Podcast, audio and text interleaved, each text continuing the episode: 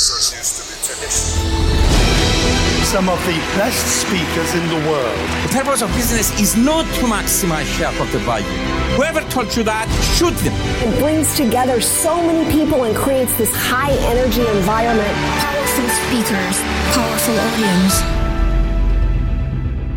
I denne episoden av OBF-podden så skal vi ta tak i en dagsaktualitet. Det har nettopp vært Offshore Northern Seas-messe i Stavanger, altså ONS, som samler eh, både folk fra utland og innland. Elon Musk var på besøk, eh, Fatih Birol og Fredrik Hauge har møtt eh, disse typene og har hatt det koselig med Elon Musk. Kronprinsen har vært der, og alt som kryper og går av politikere. Og dere to. Her i studioet mitt så har jeg Anne Karin Sæther seniorrådgiver hos Footprint. Velkommen. Takk. Og bærekraftsanalytiker Tina Saltvedt fra Nordea. Hallo. Begge to vært hos ONS. Hvordan var dette, Anne Karin? Det, var, det er jo alltid interessant og morsomt å være på ONS. Det er en sånn temperaturmåler på hvordan det går med bransjen. Jeg har vært der før der det har vært rene vekkelsesmøter, som f.eks. etter Johan Sverdrup-funnet. Eh, da var vi tilbake i 20, Da 2012. var det ONS 2012. Ja. Det, da sto Helge Lund på scenen og sa at ONS vil bare fortsette og fortsette og fortsette, og han fikk applaus som bare varte og varte. Og Høyre-ordføreren i byen snakka om at sola atter en gang steg over norske oljefelt. Så da var det veldig god stemning. Eh, det var ikke like sterkt nå, men det var veldig god stemning, fordi de tjener godt, de selger bra.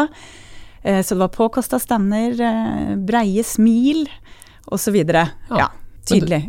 Men det var også en, for første gang, tror jeg, en, eh, egen, et eget spor med bærekraft på agendaen, var det ikke det, Tina? Jo, det var en, et område som kalte seg Net Zero Market. Og det var jo veldig spennende, for jeg tenker det reflekterer jo litt den, det energiskiftet vi er inne i. Eh, det var nok ikke like mange der ennå, vil jeg si, eh, på, eh, på, den delen som på den tradisjonelle olje- og gassdelen. Men dette var jo første gangen.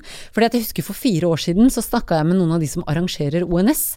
Og da hadde de vurdert det om de skulle lage en egen fornybarkonferanse. Men så hadde de begynt å se litt nærmere på det. Og da fant vi ut at det var altfor få selskaper ennå. Så at de denne gangen da faktisk setter til side en helt egen del, og det var jo åpningen av denne nye delen dette året, det betyr jo at det har skjedd mye på de fire årene. Så det er jo superspennende.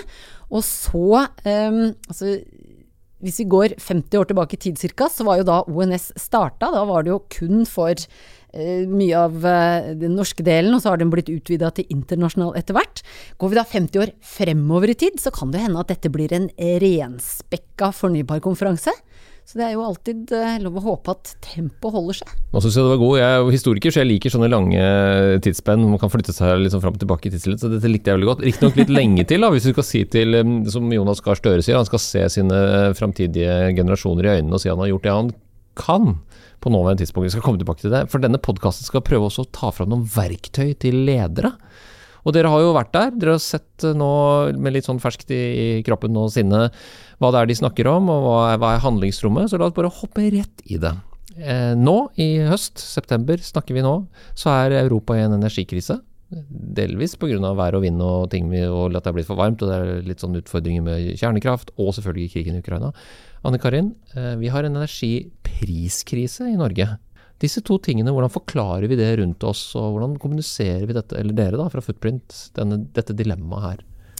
Ja, Vi står jo i en veldig spesiell situasjon nå. Van der Leyen, eh, europakommisjonspresident, sa her i slutten av august at eh, prisene er skyrocketing.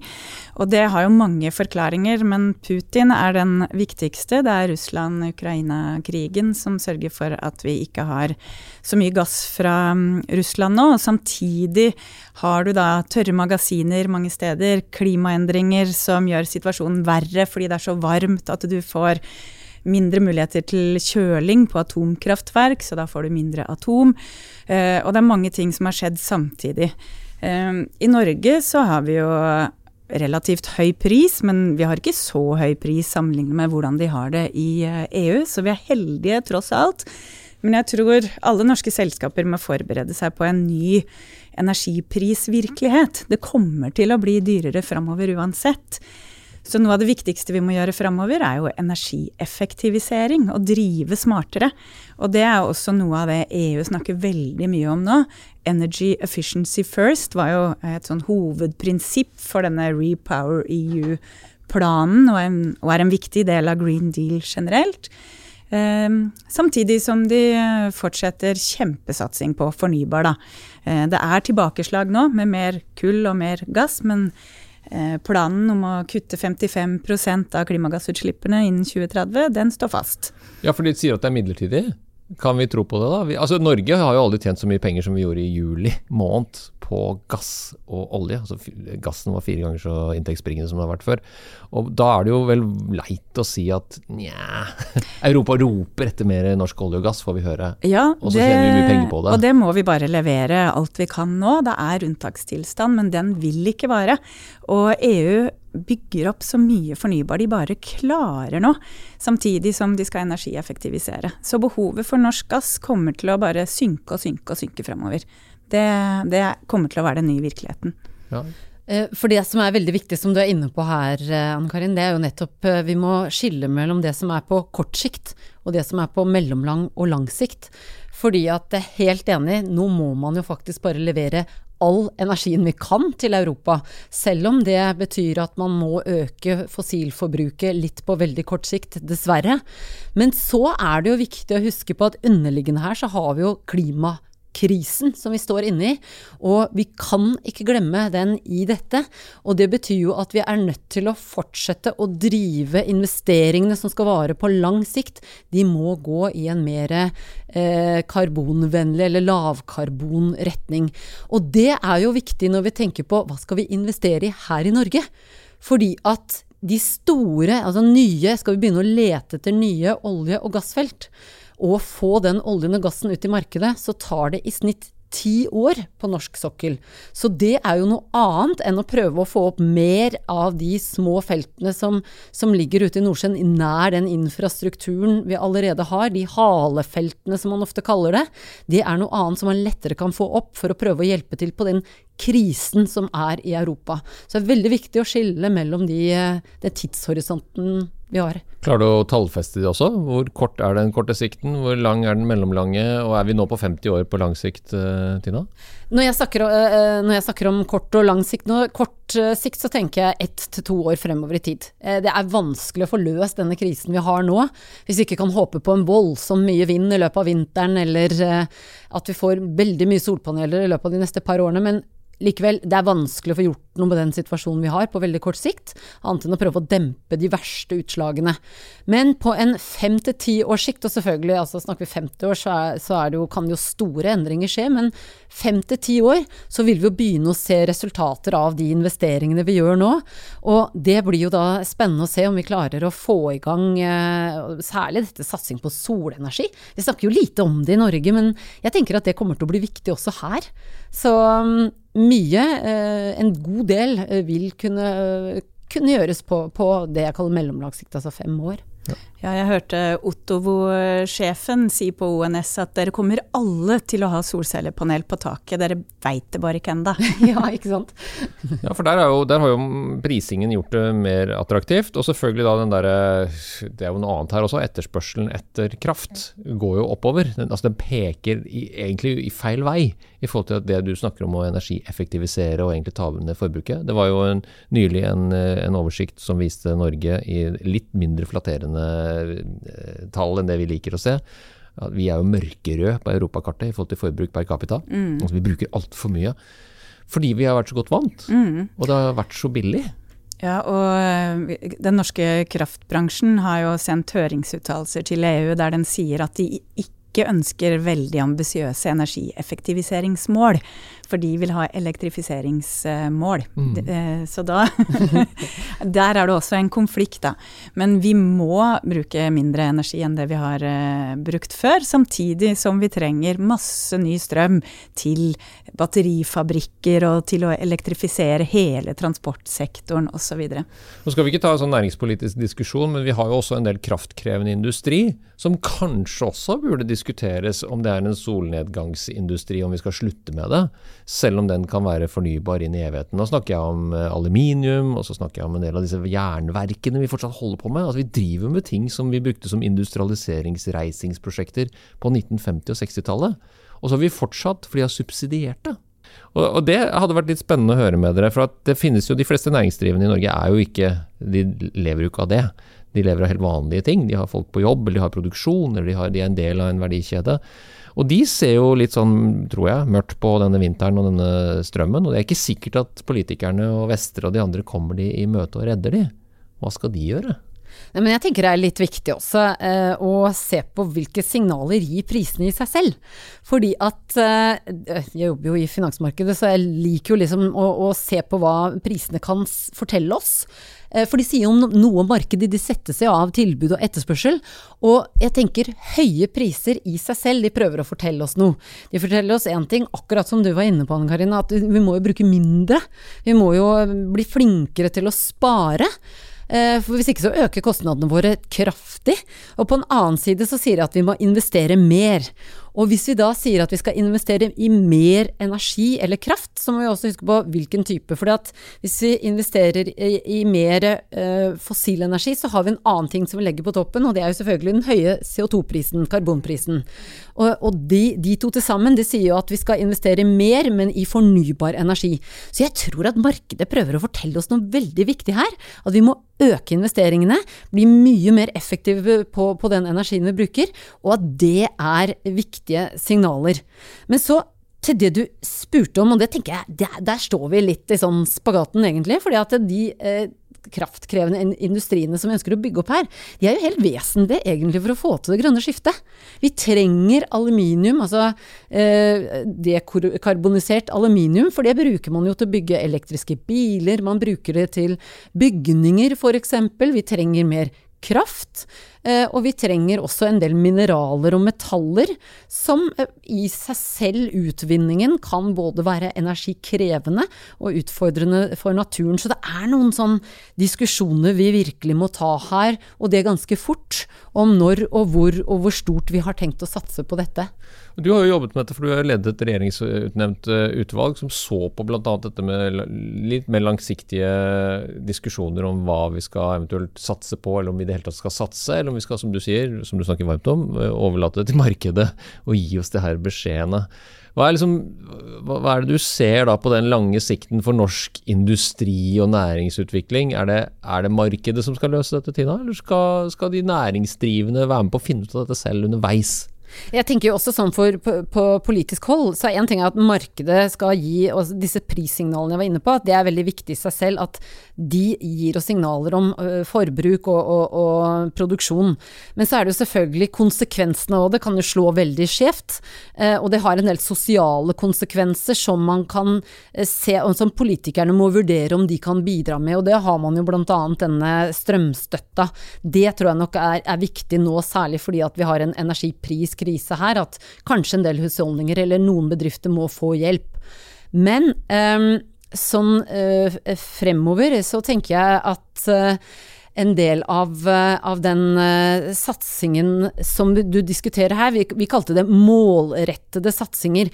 Altså det som er viktig, hvor stor andel, og det vi diskuterte var, hvor mye skal staten satse av Norges penger, på en måte. Bruk av vår eh, felles pengebinge.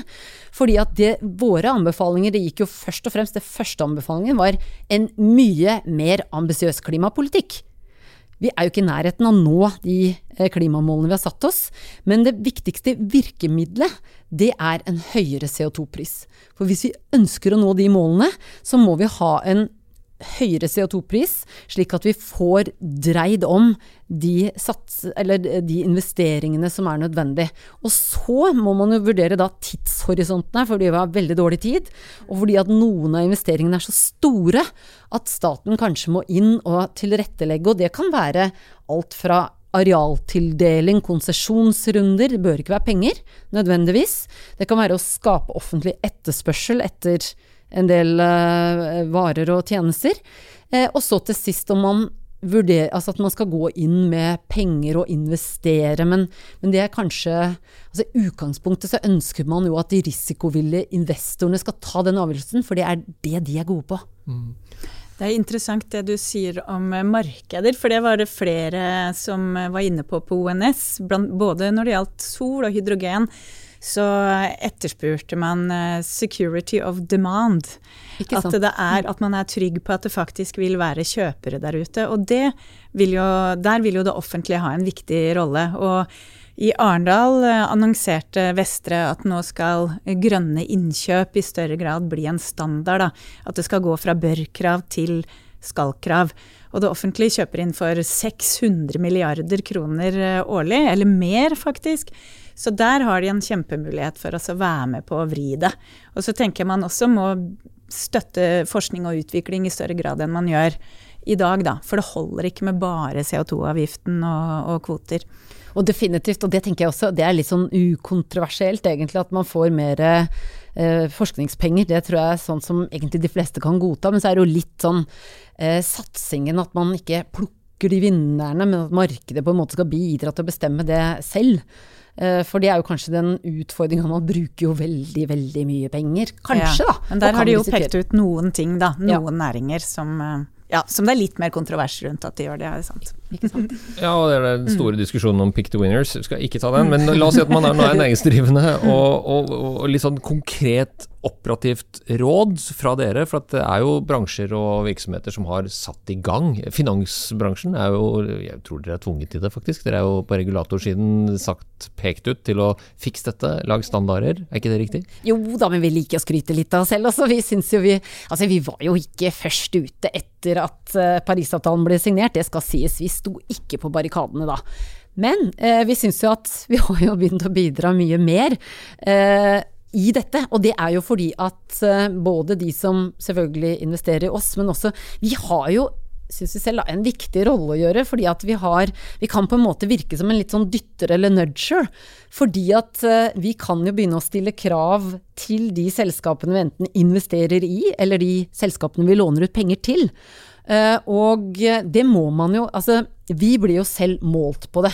Men der vi virkelig, altså der som vi som, som eh, bransje kan virkelig gjøre en forskjell, det er jo nettopp om vi klarer å jobbe sammen med de selskapene og snu. Vi, jo, vi har jo ikke kommet veldig langt vi heller, men vi har kommet et stykke. Vi starta i hvert fall, kan vi vel si. Så, eh, men så er det jo det at vi kan jobbe sammen med veldig mange selskaper for å få dette til. Så der håper vi at vi kan bidra til å være en pådriver, i hvert fall. Jeg tenker finansnæringa har kommet kjempelangt. På takk, de ja. siste, siste årene har det jo skjedd enormt mye. Og i eh, 2015, det året vi fikk Parisavtalen, så holdt jo sentralbanksjefen i Storbritannia, Mark Carney, denne berømte talen om the tragedy of the, in the horizon, og eh, etablerte dette begrepsapparatet rundt klimarisiko, som har prega veldig mye av finansbransjen seinere. Og det som kommer nå, det blir jo naturrisiko. Eh, og det blir veldig spennende å følge framover, for eh, i desember får vi landa en ny avtale om naturrisiko. Så bedriftsledere framover kan ikke bare forholde seg til klima, de må også forholde seg til miljø og natur. Og tenke hvordan de kan ta vare på natur i stedet for å ødelegge natur. Eh, naturavgift og naturnøytralitet, eller arealnøytralitet, kommer til å bli like viktige begreper framover som CO2-avgift. Så det må inn i, i det du også beskriver som klimaregnskap. ikke sant? Så næringsdrivende må nå skjerpe seg og få dette med transaksjonskostnadene. Kan du ikke bare avskrive som noe som forsvinner ut som utslipp? Du Ja, må ha ja, det kontroll på dette. Ja, jeg tror at framover så kommer da regnskapet over hvordan du påvirker verden rundt deg, være seg sosialt, eh, klima eller natur, det kommer til å bli like nøye lest som det økonomiske regnskapet ditt. Inn når da? Eh, vanskelig å si. Det er på noen felt, sånn som de Begynner som er allerede, Ja, taksonomien. De sant? selskapene som har over 500 ansatte, de er der allerede. Ja. Og så kommer det etter hvert til de mindre selskapene. For de store selskapene, de må jo stille krav nedover i verdikjeden sin Mm. eh, for å levere det de skal levere, og for å kunne bli definert som bærekraftig. Så det her kommer til å bare eh, spre seg veldig fort. Men jeg veit ikke hvor lang tid det vil ta før eh, også de små og mellomstore bedriftene er der. Hva tror du Tina? Jeg tror Det er jo et ønske at de egentlig skal begynne å tenke på det allerede nå. For det er jo sånn som du sier at det blir jo vanskeligere for de også. Eh, hvis det er et stort selskap som skal få en kontrakt, og så må du jo kunne vise til egentlig hele kjeden og ha et regnskap for hele kjeden. Og der tror jeg også den loven som kom her, den åpenhetsloven som kom her i Norge, mm. riktignok så går jo den ikke nødvendigvis på klima, men, men jeg tror den bidrar bidrar til å drive den åpenheten rundt hvordan virket er i sin helhet. Mm. Og der tror jeg Altså, vi er jo allerede i gang, og jeg vet jo vi som bank, vi anbefaler jo også små aktører til å begynne å se på det. Og en del, ikke sant, det tilbys jo um, mye altså produkter som man kanskje kan allerede nå som en liten bedrift se at, at det vil gjøre en forskjell å faktisk kunne uh, vise at man kutter enten CO2 eller tar hensyn til miljøet eller ja. Så, men EU eh, e jobber jo også med å få med seg de små og mellomstore bedriftene og lage et rammeverk til de, men som er mye enklere. For de har jo ikke så mye ressurser å bruke på det, så jeg tror det er godt underveis. Mm. Ja, de, sto, de, store må, de, store får gå foran. Men eh, alt som tidligere har vært eh, frivillige rapporteringssystemer og frivillige standarder, de blir jo nå obligatoriske. Det kommer som lovverk, f.eks. gjennom taksonomien eller åpenhetsloven. Og det har jo ikke tatt så veldig mange år, egentlig. Fra powerpoint til lovverk. Eh, så dette vil bare gå fortere og fortere framover, tror jeg. Og det gir håp, da. Det gir definitivt håp, det, men det er jo også utfordrende. Det er det ingen tvil om. Så dette her kommer jo til å bedre seg år for år, fordi det er vanskelig. Eh, det er jo ikke Altså veldig mange bedrifter har jo ikke den dataen i dag. Og vi ser jo nå når vi prøver å samle inn for å gjøre våre egne rapporter, så må vi da samle inn den type data fra alle de selskapene vi jobber med. Og det er en veldig stor jobb, og det er en veldig krevende jobb. Det er en vanskelig jobb, men det er en utrolig spennende jobb. For når vi nå begynner å få litt bedre oversikt over det, det er jo da man kan begynne å justere porteføljene sine etter de målene som vi har satt oss.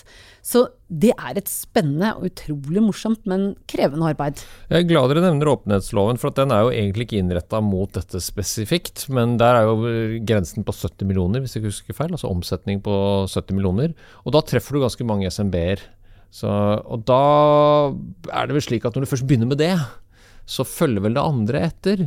Og så hadde vi en liten eh, prat rett før Tina kom, at det er jo også et generasjonsskifte. Nå er det jo alltid vanskelig å snakke om generasjoner, men du, du mumlet jo noe om at uh, de som kanskje har gått på høyere utdanning etter 2000-tallet, uh, har kanskje noen av de har fått med seg hvor mye penger vi brukte under finanskrisen. Jeg har lest at man brukte 3,4 eller 4% av det amerikanske bruttonasjonalproduktet til å redde banker som var too big to fail. Yuval Harari, som kommer på Oslo Business Forum, han snakker om at hvis vi brukte 2% av verdens totale GDP, så hadde vi fiksa hele klimaproblemet har han regna seg fram til. Da. Ja, ikke sant. Og det her kom jo også Nicolas Stern med i var det ikke 2006 da, at Stern-rapporten ja, kom og fortalte nettopp det samme. Han bygger jo på ja. eh, Stern-rapporten. Så vi har visst det her lenge. At det lønner seg å forebygge. Det lønner seg å være tidlig ute. Det går ned å ta det der i, ja. i fortsatt. Er den mm. elefanten mulig å spise? Mm. Men jeg tror nok for de fleste ledere fram til nå Det var fint du sa. Det har vært powerpoints og det har vært mm. velmenende aktører som dere som har liksom heia på dette. Nå skjer det, kom igjen, få det med dere. Men når det kommer på rapportering, da skjer det vel noe. Og de nyansatte forventer det. For det er ikke lenger sånn ja. at man kan være bærekraftsansvarlig nedi Nedi gangen der, nei. nei. Nå må de inn i kjernevirksomheten, og det ser vi jo også, eh, vi som jobber i Footprint, ser det hos veldig mange store aktører nå, og en del mellomstore, at dette kommer inn i, i styrerom og i ledelsen, og de forstår alvoret, og mange får også et personlig engasjement. Eh, det viktigste er at du begynner å se det på hvordan eh, de eh, faktisk driver butikken sin. Da.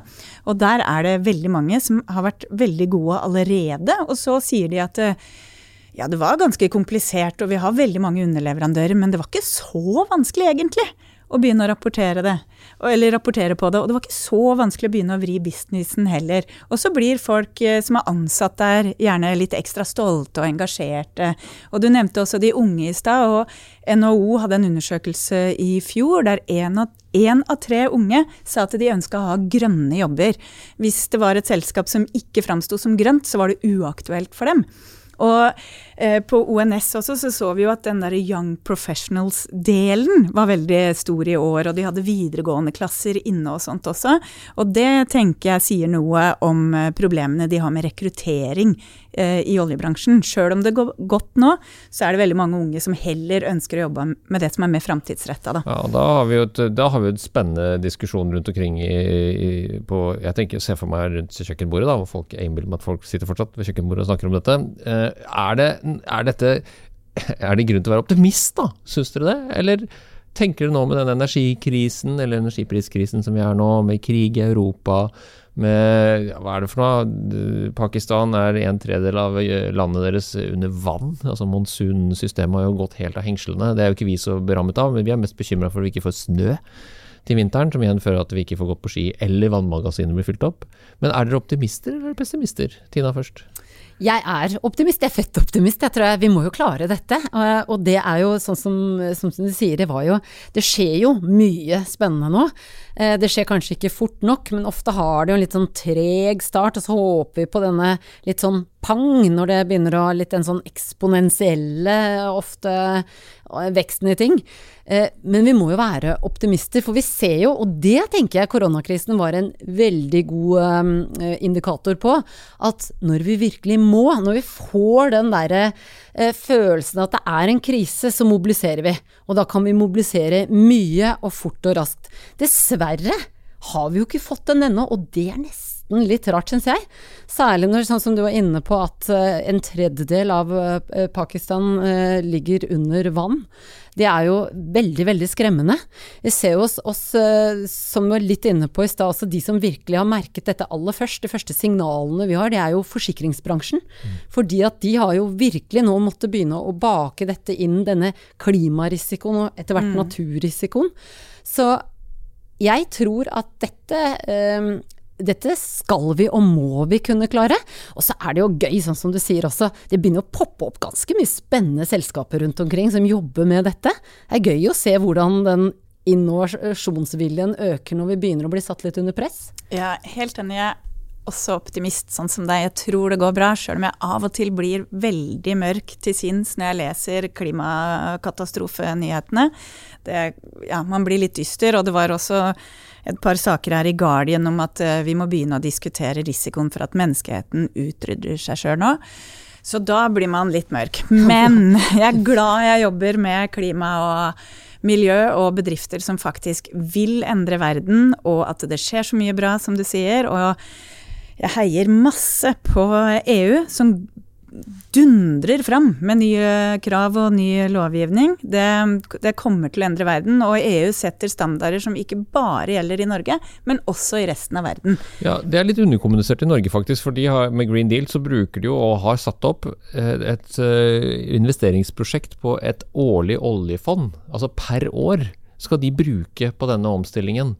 Og Vi skryter av, og kanskje nå er litt bekymra for hvordan det skal gå med oljefondet og de framtidige pensjonene våre, så bruker altså De låner penger for å bygge om sitt eget eh, system for å bli et bærekraftig kontinent i 2050. 28 år til, ikke så veldig lenge til. Eh, det, det, burde jo vi hekte oss på. Men så er det noe med nordmenn, ikke sant? Dette vet vi jo, det avslutningsvis. Noen kommer til å være sur på meg nå når jeg sier dette. Vi er altså de mest skeptiske til dette her er Ikke dere to, da. Men, men det er altså nesten oppunder 40 prosent av nordmennene som tenker at nja, det her er overdrevet. Dette her tror vi ikke noe på. Uh, strengt tatt så kunne vi bare fortsette som før. Kommentar?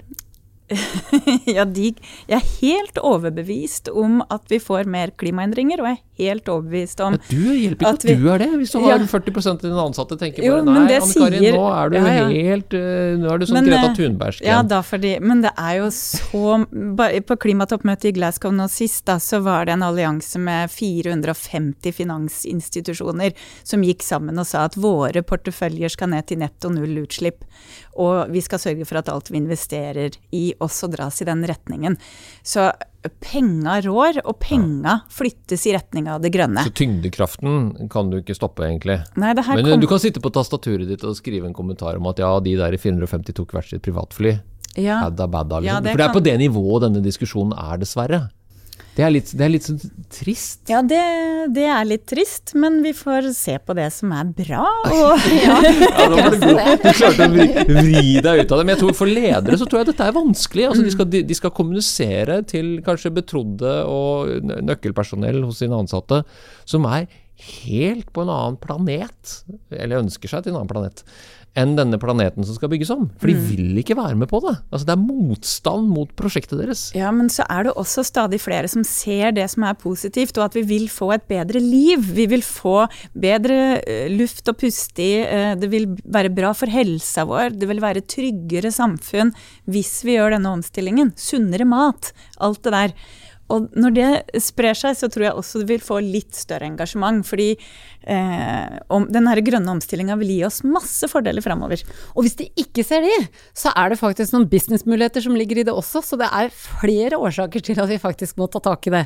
Så eh, jeg er helt enig. Ja, og Det er viktig for, for oss at det skal være lønnsom grønn omstilling. Det, vi jobber jo for at dette skal lønne seg for selskaper, og at de skal få kred for det når de gjør det. Men så tror jeg Norge kanskje har en litt større utfordring enn en del andre land. Fordi at vi har en høy levestandard. Eh, Vi har det egentlig veldig bra. Vi trenger jo ikke, eh, vi personlig trenger jo ikke gjøre så mye. Vi så jo det etter eh, finanskrisen, så kom jo vi oss godt gjennom det.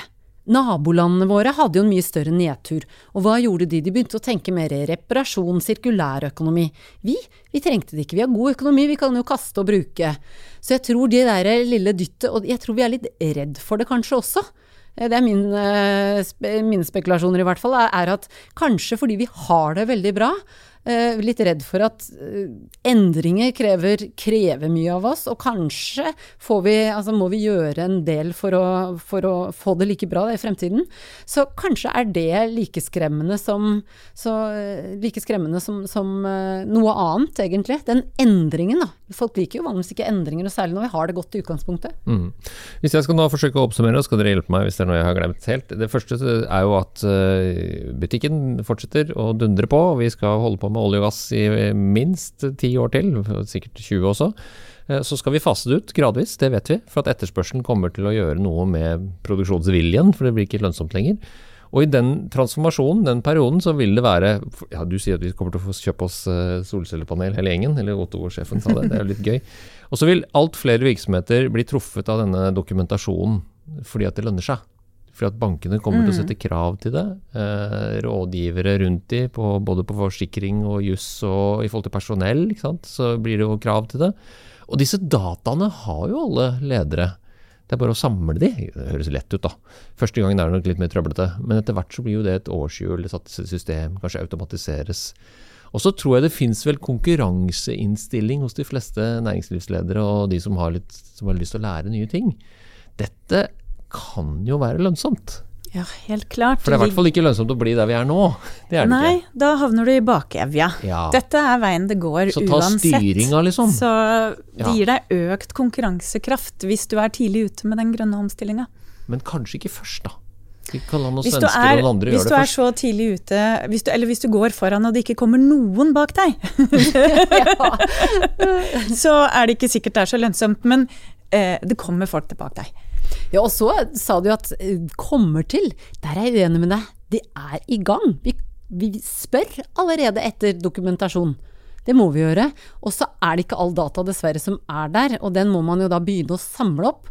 Og det er jo litt av utfordringen. Så dette er ikke noe som kommer, det er. Og det er viktig. Jeg fikk en veldig fin observering. Tusen takk begge to for en veldig fin samtale. Lærerik og nyttig for meg, og det håper jeg for deg som har hørt på også. Og så får vi bare heie på det grønne skiftet, om det tar tre år, fem år eller åtte år. Det er store endringer på gang. Tusen takk begge to. Tusen takk. Hvis du likte denne podkasten, hadde vi satt utrolig stor pris på om du abonnerte og gir oss en tilbakemelding i avspilleren. Some of the best speakers in the world. The purpose of business is not to maximize shareholder value. Whoever told you that, shoot them. It brings together so many people and creates this high energy environment. Powerful speakers, powerful audience.